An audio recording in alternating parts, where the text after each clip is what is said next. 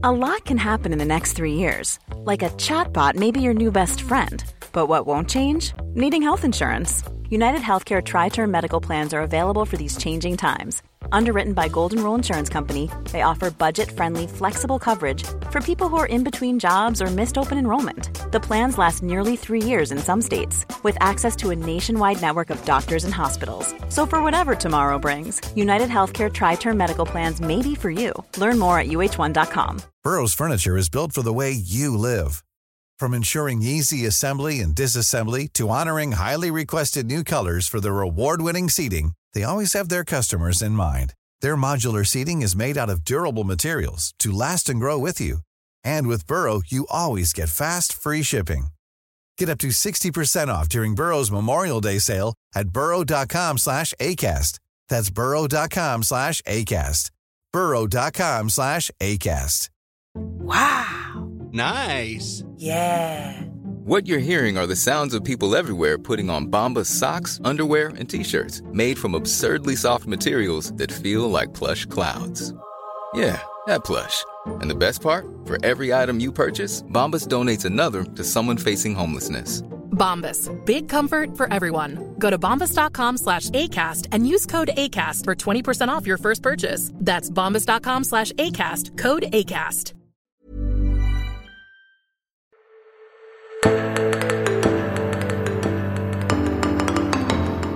I dag sitter eh, Tore Hjalmar Sævik og meg sjøl, Tarjei Gilje, på et hotellrom i eh, Trondheim. Det kan hende at eh, lyden, kvaliteten på lyden på dette opptaket ikke er helt som den skulle være. og Det har den enkle forklaringen at min koffert, der jeg hadde med meg en del opptaksutstyr, den kom aldri med til Trondheim. Nei, og vi trenger ikke å henge ut vedkommende flyselskap, f.eks. Widerøe, med at det var de som ikke leverte den, men, men det var jo sånn det ble det var sånn det ble. Så det får, bare, det får vi bare, leve med. Vi har mange gode opplevelser med Widerøe fra tidligere. Absolutt. Ja. Det blåser forresten friskt utenfor her uh, i dag. Det kan være at det høres på opptaket òg. Det, det, er ikke så mye å gjøre med akkurat den saken. Nei, det er jo egentlig eh, det å bevege seg også i, i, i klimasone og bevege seg i Norge. Vi reiste jo fra Bergen der det har blitt vår, uh, og kom til Trondheim der det fortsatt var vinter. Synlig snø. Ja. ja det fins vel ikke usynlig snø, for så vidt. Nei, det tror jeg ikke. Vi, vi, eh, på våre reiser rundt i Kristen-Norge så har vi jo snakket om at sant, Kristiansand er liksom frikirkehovedstaden. Rogaland er liksom motoren for mange kristne sammenhenger i Norge. Nå er vi jo i det som i hvert fall offisielt er kirkehovedstaden i kongeriket. Ja, vi har jo eh, så vidt det er utsikt til Nidarosdomen her. Og, og, det er jo kirka som aldri er blitt ferdig, for det, eh, som det heter. altså Den fortsetter å, å, bygge på den i, i, Det er vel en stund siden sist, kanskje, men det er jo en kirke som må vedlikeholdes, i det minste. Da, og er et sånn nasjonalsymbol. Jeg, jeg, tror, jeg lurer på første gang jeg var på gudstjeneste, det var i forbindelse med kirkemøtet i 2018. Så det er ikke så lenge siden det. Og det var en sånn jeg vet ikke hva, hvor sterke ordet jeg kan bruke. Det er ganske sterke, egentlig. Det var å sitte der og se opp, da. Det er jo høyt under taket. Og vite at her har folk sittet i sånn 800-900 år. Og vi kan jo lure på mange ting i vår tid, hvordan det skal gå med kirken og sånn og sånn. og sånn. De spørsmålene har man stilt før òg. Ja. Man kommer sikkert til å stille det igjen. Ja, jeg tror det.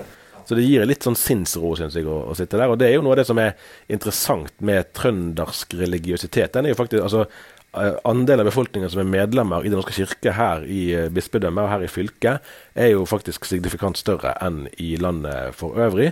Eh, det er ikke sikkert at trønderne går til kirke hver søndag av den grunn, i, i noe større, større tall enn resten av landet. Men det er en religiøsitet her som, som er ganske seiglivet. Ja, den, den er vi blitt litt nysgjerrig på å forstå, da, for den, den er jo det er jo derfor vi er her, for å møte folk eh, som jobber i litt forskjellige kristne sammenhenger. Både i det folkekirkelige og det frikirkelige og lavkirkelige. Ja. Og Det er jo noen forskjeller i ulike landsdeler. Altså Vi var nettopp på, på Finnøy i Rogaland. Eh, og der, og i strøket rundt der, og for så vidt for det som både du og meg har vokst opp i henholdsvis på Sunnmøre og i Bergen, så er jo gjerne hva skal vi si, kristentroen mer eksplisitt. Eh, uttrykksformen kan kanskje være sterkere enn noen ganger. Eh, mens det som skjer her i landsdel, ikke nødvendigvis er like høyrøstet, men, men det er ikke nødvendigvis noe, noe, likhetsforhold mellom det som er høyrøstet og det som er langvarig eller slagkraftig. Nei, det er jo et synspunkt. ja, det står i hvert fall jeg inne for. Vi, vi, begynte dagen i går med å besøke Gå ut-senteret, eh, som er en av landets få misjonsskoler. Eh, holdt tidligere til i Hurdal, eid av Nordmisjon. Nå holder de til på en prestegård Eh, litt utenfor Trondheim eh, sentrum, bare noen minutters eh, kjøretur. Og skal faktisk flytte, forstår vi, i løpet av de nærmeste årene inn sammen med menigheten Salem, som er en av eierne til dette senteret nå, sammen med, med Nordmisjon som sådan. Ja. Det at vi snakker om menigheten Salem er jo i seg sjøl litt interessant. For, for, det forteller jo litt om de endringene som vi ser i det norske kirkelandskapet, som også gjelder Nidaros bispedømme. Nemlig at Nordmisjons tradisjonsrike forsamling, man kunne si, midt i Trondheim sentrum eh, har definert seg som ei menighet de siste eh, 15 åra eller noe sånt. Ja, eh, ja siden etter årtusenskiftet. Ja. Og, eh, og, det er jo et ganske stort eh, miljø vanligvis som er der. Bl.a. et av Norges største kristne studentmiljø. Samla 300-400 studenter. Og, eh, og, det er jo et veldig stort studiemiljø i Trondheim. NTNU er jo eh, Norges største. Ja, jeg sjekket det, det er 40 000 studenter på NTNU. Så er det jo flere, det er omtrent dobbelt så mange som studerer i Oslo, men der er man jo fordelt på, på flere eh, utdanningsinstitusjoner. Eh, og eh, noe av det som, som, var interessant der med, med Salem, det er jo det, den, eh, det ønsket om å være en, ja, en tydelig eh, stå i Nordmisjonen eller Indremisjonsselskapet for å sin, sin tradisjon med å være en, en eh, evangeliseringsvekkelsesbevegelse, og samtidig tenke diakonalt. Eh, det å bety noe for, for byen som en, som en hører til i. Det, og det er jo ikke noe nytt for de bevegelsene, det er jo egentlig fulgt det hele tida. De fortalte jo egentlig om det. Jan Even Andresen, som har vært, vært pastor i Salem i, i vel 20 år, og som òg var tilknyttet menigheten en periode før det, om at man Altså, dette begynte jo egentlig på 1800-tallet, der man helt konkret drev kartlegging rundt i husene av hva slags eh, behov, altså hva slags nød rett og slett som fantes. Og det var jo nød på en helt annen måte enn det vi, enn det vi er vant med nå. Dette var jo egentlig et trekk ved, ved bedehus, eller ved indremisjonsbevegelsen. Og i Bergen vet jeg om en som het Jakob Tråsdal, som var, som var sentral der. Og det kan man jo si fra, fra Oslo og fra mange andre steder òg, at det var en del av indremisjonsarbeidet. Når folk eh, levde i nød hjemme, hvis de manglet mat eller det var grov omsorgssvikt, så hadde man eh, et apparat som kunne, kunne, hjelpe til. Og noe av dette har jo, har jo Salem revitalisert de siste 15-16 årene med det som de heter 22B. Eh, og Der òg fikk vi besøke en gård litt utenfor Trondheim, Sørum gård. Eh, som var et interessant besøk. Ja, da var vi på historisk grunn. Vi fikk aldri helt eh, klarlagt hvor gammel denne gården var. Men det har nok vært en, en gård i flere hundre år. For, for, det kan vi nok trygt si. Og den var eid av hva heter det, Arbeiderpartiets økonomiske et eller annet. Ikke AUF, men AØF. Ja, men, men det var i arbeiderrørsla det, det hørte til. Ja, og det hadde før det vært en, en eh, eh, institusjon for avvenning, eller rusavvenning, i regi av, eh, av, eh, av, eh, det som heter Trondheim kristne senter.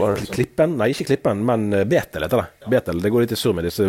Salem òg er sånn navn som kan være både Salem og, og både Nordmisjon og Misjonssambandet litt av hvert. Ja. Betania kan være litt av hvert. Klippen er som regel pinsemenigheter, mens, mens, Betel det kan være og litt av hvert. Her i Trondheim er det pinsemenigheten som heter Betel. Ja. Nettopp. Eh, nei, det, dette er jo, eh, dette er jo sakskunnskap på, på, på, ganske høyt nivå. ja.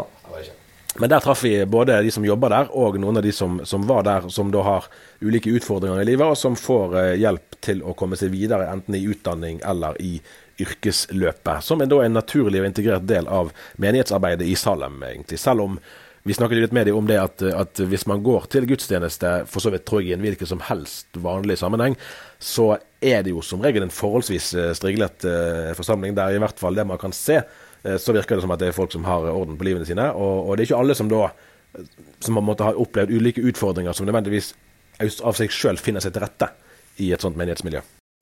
Nei, det, det, er jo noe av det paradoksale med eh, kristen vekkelse. At, at eh, den oppstår, eller har en appell eh, ofte til, eh, til grupper som, som, opplever nød og opplever at livet er, er veldig vanskelig.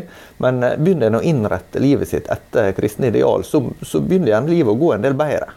Så over generasjoner så kan det også bli en klassereise der. Som gjør at det som Jeg har jo sett i både, både i lavkirkelige, altså bedusbevegelsene og i pinsebevegelsen for den del, at det, at det som begynte som, som ja, blant bønder og fiskere i bedusbevegelser, eller blant arbeiderklasse mye i pinsebevegelse, det er jo blitt middelklasse og vel så det til dels over et par generasjoner.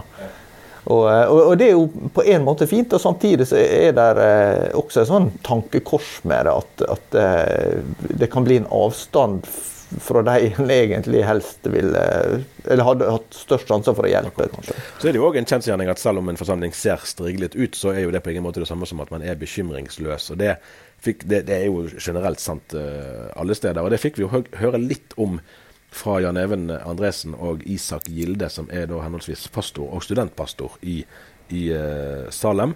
Uh, og som kunne fortelle om, om Det er jo òg noe som man ser i mange miljøer, sant, at særlig unge mennesker opplever et sterkt prestasjonspress. Uh, og at da kan menigheten være et sted der man opplever at her, her er ikke det en plettfri CV eller gode karakterer. eller for så vidt penger på konto som som kvalifiserer. Nei, sånn bør det iallfall ikke være. Eh, så, eh, så, det er jo til ettertanke for oss alle. Så fikk vi jo med oss en, eh, en litt sånn Det er jo ikke akkurat en turistopplevelse, men det kan vel fint være òg, nemlig at, at, vi spiste middag i et tårn. Og For de som er kjent i Trondheim, så er jo dette sikkert nesten selvsagt, og en del vil sikkert si det er et minus at det er Egon som har restauranten i Tyholttårnet. Men du hadde ikke vært der før. Det var jo gøy å spise der oppe? Ja, det, det, vil jeg si. Altså, å, For da går altså tårnet sakte rundt. Sant? Så i løpet av en middag så rekker du kanskje to ja. runder. Der du da har sett byen fra alle og, sider. Og jeg må jo si at eh, det er ganske flott utsikt fra, eh, fra Trondheim. Selv om, selv om eh, jeg som sunnmøring syns at, at selve topografien er jo litt, litt mer sånn avdempa og, og, mindre dramatisk da, enn det jeg er vant med i mine omgivelser. Så, så er det jo veldig fint her. Det er veldig bra. Da skal resten av denne episoden være viet intervjuet vi gjorde med Ørjan Tinnen. Det er jo nesten et perfekt trøndersk navn. Stormøy. Du kan jo få dobbel palatalisering. Palatalisering etter det. Ja, jeg tror det var palatalisering. Ja, ja. Men, men, det skal vel ikke, ikke uttales med, med palatalisering likevel. Men, men det kunne vært det. Men vi snakket litt med han i går, eh, i går, formiddag, og det skal vi nå få høre mer om. Han er jo da altså rektor på Gå ut-senteret og styreleder i Norme. Mer om det straks. Og Da er vi tilbake ellers i neste uke. Vil du bidra til en bedre verden? Gjennom samfunnsansvar og verdiskapning, og se bedrifter som tenker større og mer bærekraftig? Fra høsten 2021 kan du studere økonomi med vekt på etikk og entreprenørskap på NLA-høgskolen i Kristiansand. Nå tilbyr Hauge School of Management bachelorgrader innenfor økonomi og administrasjon både i Oslo og Kristiansand. Som student får du en relevant og verdibasert utdanning, forelesere som er tett på, og mentorer fra næringslivet. Les mer på nla.no. Velkommen som NLA-student. Da Torjalmar Sævik, sitter eh, meg, Tarjei Gilje og deg på kontoret til Ørjan Tinnen, som er rektor på Gå ut-senteret i Trondheim. Vi sitter på det som var Berg prestegård, et staselig gammelt bygg som laget, altså Norges kristelige student- og skoleungdomslag, har en langsiktig festeavtale med. Og her har Misjonssenteret hatt base i nærmere seks år. Ja, stemmer det. Og det er jo, altså Misjonssenter de er ikke så veldig mange av i Norge lenger. Nei da, altså Gå-ut-senteret heter jo også formelt sett Misjonsskolen Gå-ut-senteret. Og misjonsskole er en viktig del av navnet for å forstå hvordan skole Gå-ut-senteret er. Så det er en viktig identitet der helt fra, fra skolen starta på 80-tallet. Det er jo egentlig fascinerende på den måten at Norge har jo en, en historie som en Altså, man snakker om at Norge var verdensledende i, i utsendelse av misjonærer for en del år siden, sant? målt per antall innbyggere. I dag er vel misjon nesten noe av det mest omstridte man kan tenke seg, i den forstand at, at, det handler om å fortelle mennesker om at jeg har noe som, som, du har godt av, selv om du kanskje ikke egentlig ønsker det. Altså En ting er på en måte at man har en religiøs tro, det kan jo være omstridt nok, men det å skulle måtte overbevise andre om å ta del i ens egen tro, det er eh, ikke noe som nødvendigvis klinger godt i moderne sekulære øyne eller ører. Nei, men så er det jo eh, i eh, kristen misjon i dag også et eh, fokus på det å fortelle om det vi har sett og hørt. og som eh, handler om mer enn eh, å overbevise eh, venner eller andre om at du har forstått det som er rett og sant, men som handler om å, om å være et vitne for, for evangeliet. Og, og det tenker jeg er en mer sånn moderne tilnærming til eh, misjonsoppdraget. At det får ta mm, bolig i hver enkelt av oss eh, som helt vanlige mennesker, men med en eh, substans som vi tror utgjør en stor forskjell eh, for folk. Så mm, i hvert fall i, blant folk som jeg møter, så er man opptatt av at, eh, at livet mm, eh, med Jesus er et integrert liv, i et helt vanlig arbeids- eller studieliv, og, og får ulike utløp derifra. Hva er det som skjer her på Gå ut senter, hvis du skal eh, gi en, en kort innføring til de som ikke har noe forhold til, eh, til virksomheten? Ja, Gå ut-senteret er formelt uh, godkjent som bibelskole. Um, og eh, har i dag 48 studenter på ulike tilbud. Og det som kjennetegner det, er at det er en utrustning til kristen tjeneste. Så selvfølgelig et sted for å mm, både holdt på å si, finne seg sjøl og finne sin egen tro, men der det også ligger i kortene at eh, det får utløp gjennom livet nå og senere. da.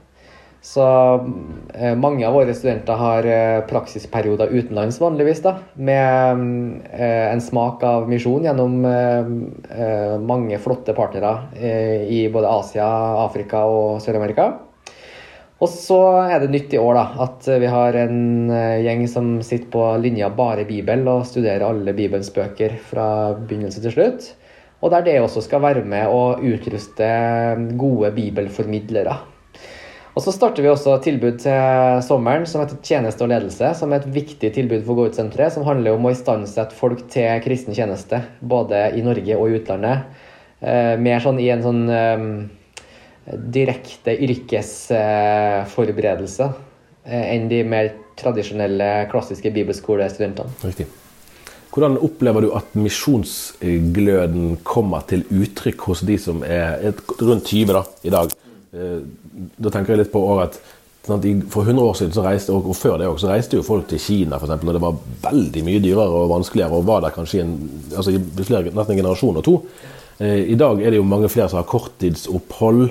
Eh, Det legges til rette på mange ulike måter. For den saks skyld spør jo mange mer og mer er det egentlig vits i å sende ut nordmenn. For det er jo så voldsomt dyrt sammenlignet med å heller sende penger til lokale samarbeidspartnere i, i, i de landene man opererer i. Hvordan kommer misjonsgløden til uttrykk hos studentene her?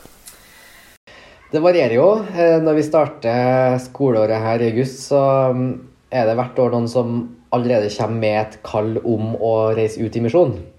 Og mm, eh, det har jo da sannsynligvis eh, eh, vært planta i en lokal sammenheng tidligere i livet. Mens veldig mange av de som går her, får et forhold til misjon og får en forståelse av at ja, livet mitt handler om misjon. Enten om det handler om i mitt nærmiljø der jeg bor, eller til verdens ende. Eh, Så jeg tror felles for eh, de fleste her er at man får en oppfattelse av at eh, eh, vi står i et misjonsoppdrag der alle skal delta, og der eh, eh, man skal få bruke sin utrustning på ulike måter, både fjernt og nært. Eh, og så er jo det her fenomenet med korttidsmisjon, både på bibelskoler, DTS under oppdrag osv., uh, veldig strategisk viktige rekrutteringsarenaer for langtidsmisjon. Og der jobbes det jo ulikt. Hvis en ser på eh, de ulike organisasjonene, så er Under oppdrag den organisasjonen som har desidert flest korttidsutsendinger, men bruker det en, på en veldig strategisk måte for å etablere langtids... Ja, for de er vel også de som har flest langtidsutsendinger, i hvert fall bare det siste. Ikke sant? Ja. Og, og har, eh, har det nedfelt som en eh, skriftlig strategi at vi jobber med korttidsutsendinger ikke bare for å gi en opplevelse, men for å tenke mer strategisk eh, i rekrutteringsarbeidet. Eh, Og hvis en eh, går videre på lista, så er det Nordmisjonen som etter Ung oppdrag eh, sender flest på kort tid. Enten i team på veldig korte opphold, altså noen uker, eller gjennom bibelskoler på, på fire-fem måneders opphold. Eller det kan være korttidstjeneste som volontører, ettåringer osv. Som er en, en viktig rekruttering, og som jeg tror også bidrar til rekruttering på tvers av organisasjonslandskapet. da. Sånn at eh, det blir utsendinger eh, både her og der av at flere bidrar på, på det å utfordre og utruste til tjeneste. Godt. Trondheim er jo en studentby for om det er to eller tre år siden. husker men du hadde, det var en studentkonferanse som var i Salem, menigheten som er tilknyttet uh, Gå ut-senteret her. Eh, og, laget la frem en undersøkelse der det, det var jo litt sånn eh, altså det som det Spørsmålet var vel om hvor mange av de kristne studentene som opplevde at andre kristne studenter lever i, i, mer eller mindre i skjul da, med, med, troen sin. Eh, det var jo et veldig høyt flertall som opplevde at det gjorde de. Hvordan er studentene her forskjellige fra det flertallet, hvis de er det? Ehm, jeg tror kanskje at i løpet av et år på eh, forhåpentligvis alle bibelskoler, så får studentene en, eh, en trygghet og en frimodighet eh, i, i, det kristne livet som gjør at det er lettere å stå rakrygga i en mer sånn sekulær tilværelse senere. Eh, men eh, i utgangspunktet så tror jeg at de som går hos oss, og sikkert på andre bibelskoler også, er nokså vanlige andre kristne ungdommer som eh, er opptatt av å ha venner, opptatt av hva folk tenker om dem, og på den måten sikkert opptrer i, i henhold til det. Men Eh, generelt så vil jeg si at ungdomskultur i Norge i dag er åpen for trosuttrykk, åpen for, ja, for tro og for religiøsitet, som gjør at det er kanskje lettere å være en tydelig kristen i dag enn for noen år siden. Ja, for det sa du litt om når vi snakket sammen i sted, at om nettopp det at, at, kanskje det faktisk er mer toleranse for, si sånn, for, for uh, religion i praksis mm. uh, enn det var når, når vi var tenåringer. Ja, si det sånn. Og uh, hvis en går to-tre generasjoner tilbake, så, så var jo troslivet organisert mer kollektivt, mens i dag så er det jo veldig um, eh, lagt vekt på retten til å gjøre seg opp sin egen mening, eh, til å stå for det du står for. Og, og, og, det er jo en anledning som kristne, både ungdommer og voksne, bør eh, gripe for å kunne målbære og uttrykke kristen tro.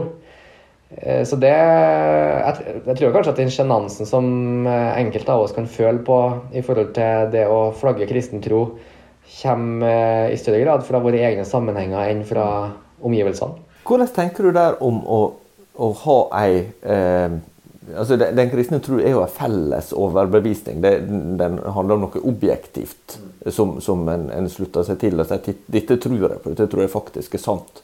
Eh, I en kultur som er mer individualistisk, og der mange kanskje vil si ja, du, du tror det, det, er bra for deg å være muslim, eller bra for deg å være humanetiker, eller kanskje bra for deg å være, være kristen, men, men, jeg har jo andre løsninger. Hvordan, hvordan snakker dere om det? Hvordan jobber dere med de spørsmålene?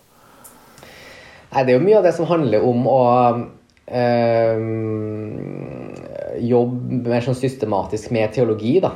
Og det å få et uh, bedre overblikk enn det du har anledning til gjennom uh, et uh, vanlig bedehus- eller menighetshverdagsliv.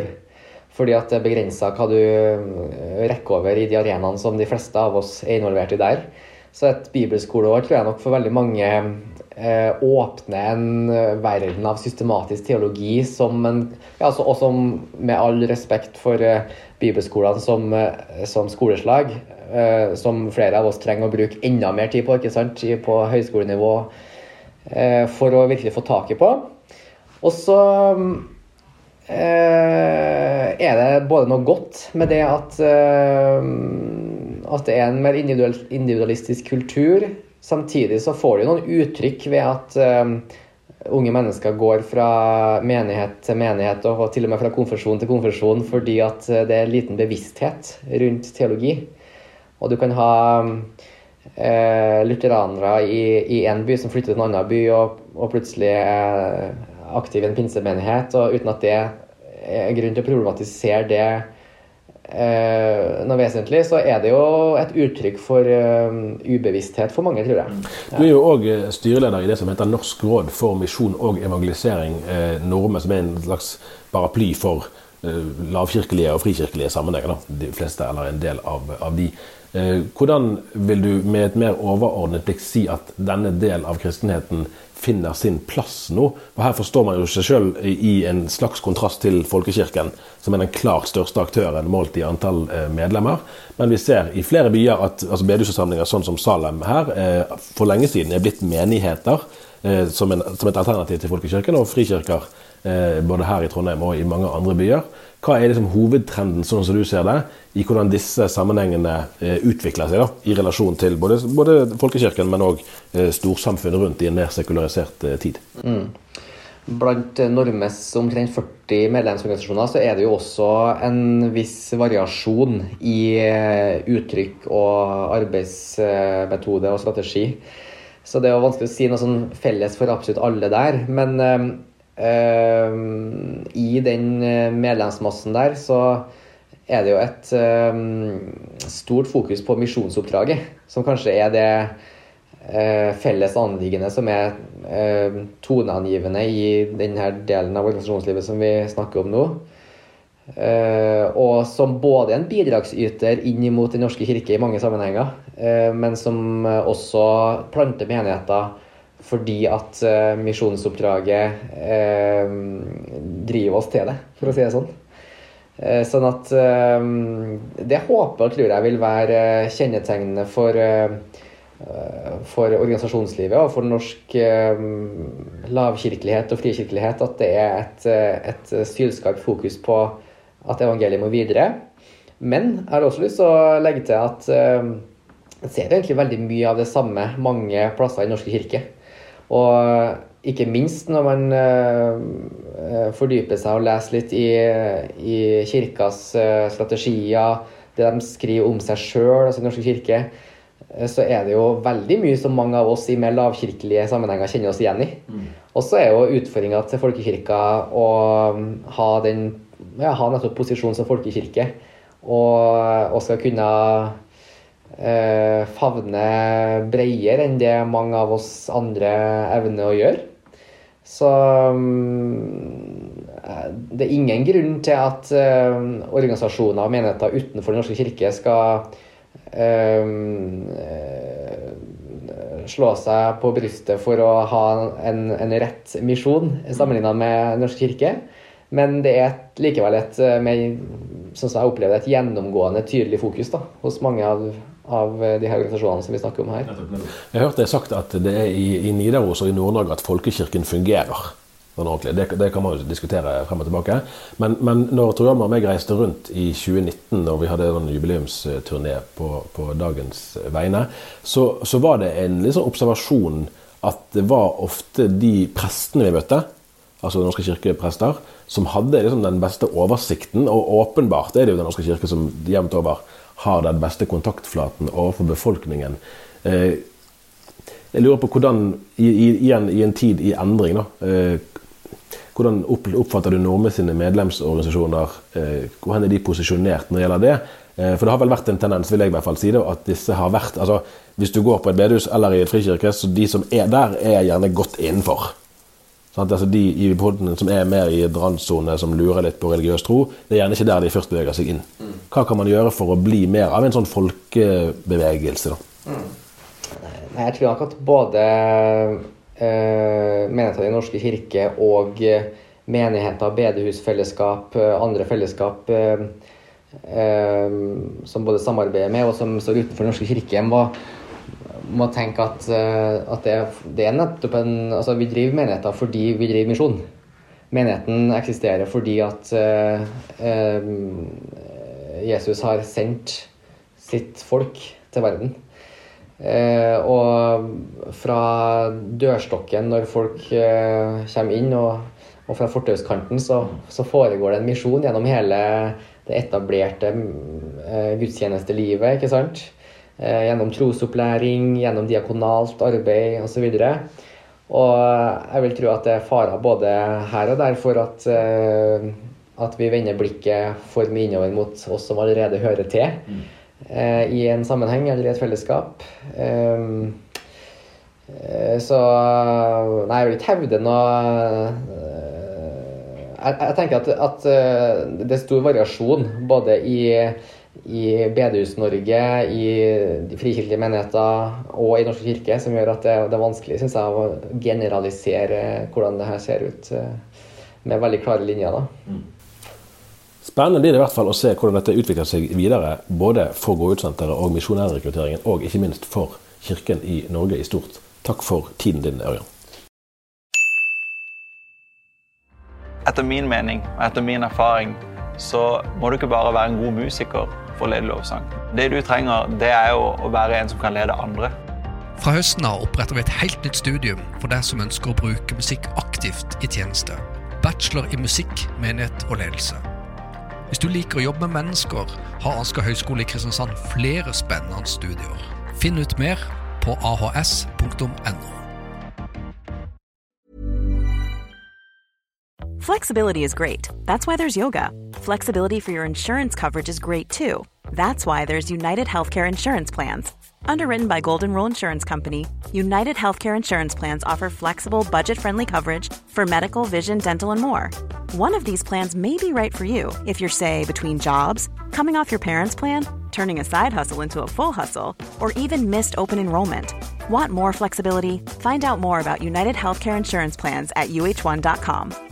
Planning for your next trip? Elevate your travel style with Quince. Quince has all the jet setting essentials you'll want for your next getaway, like European linen, premium luggage options, buttery soft Italian leather bags, and so much more. And it's all priced at 50 to 80% less than similar brands. Plus, Quince only works with factories that use safe and ethical manufacturing practices. Pack your bags with high-quality essentials you'll be wearing for vacations to come with Quince. Go to quince.com slash trip for free shipping and 365-day returns. Hi, I'm Daniel, founder of Pretty Litter. Did you know cats tend to hide symptoms of sickness and pain? I learned this the hard way after losing my cat, Gingy. So I created Pretty Litter, a health monitoring litter that helps detect early signs of illness by changing colors, saving you money and potentially your cat's life. Pretty Litter is veterinarian developed, and it's the easiest way to keep tabs on your fur baby's health right at home. Go to prettylitter.com and use code ACAST for 20% off your first order and a free cat toy. Terms and conditions apply. See site for details.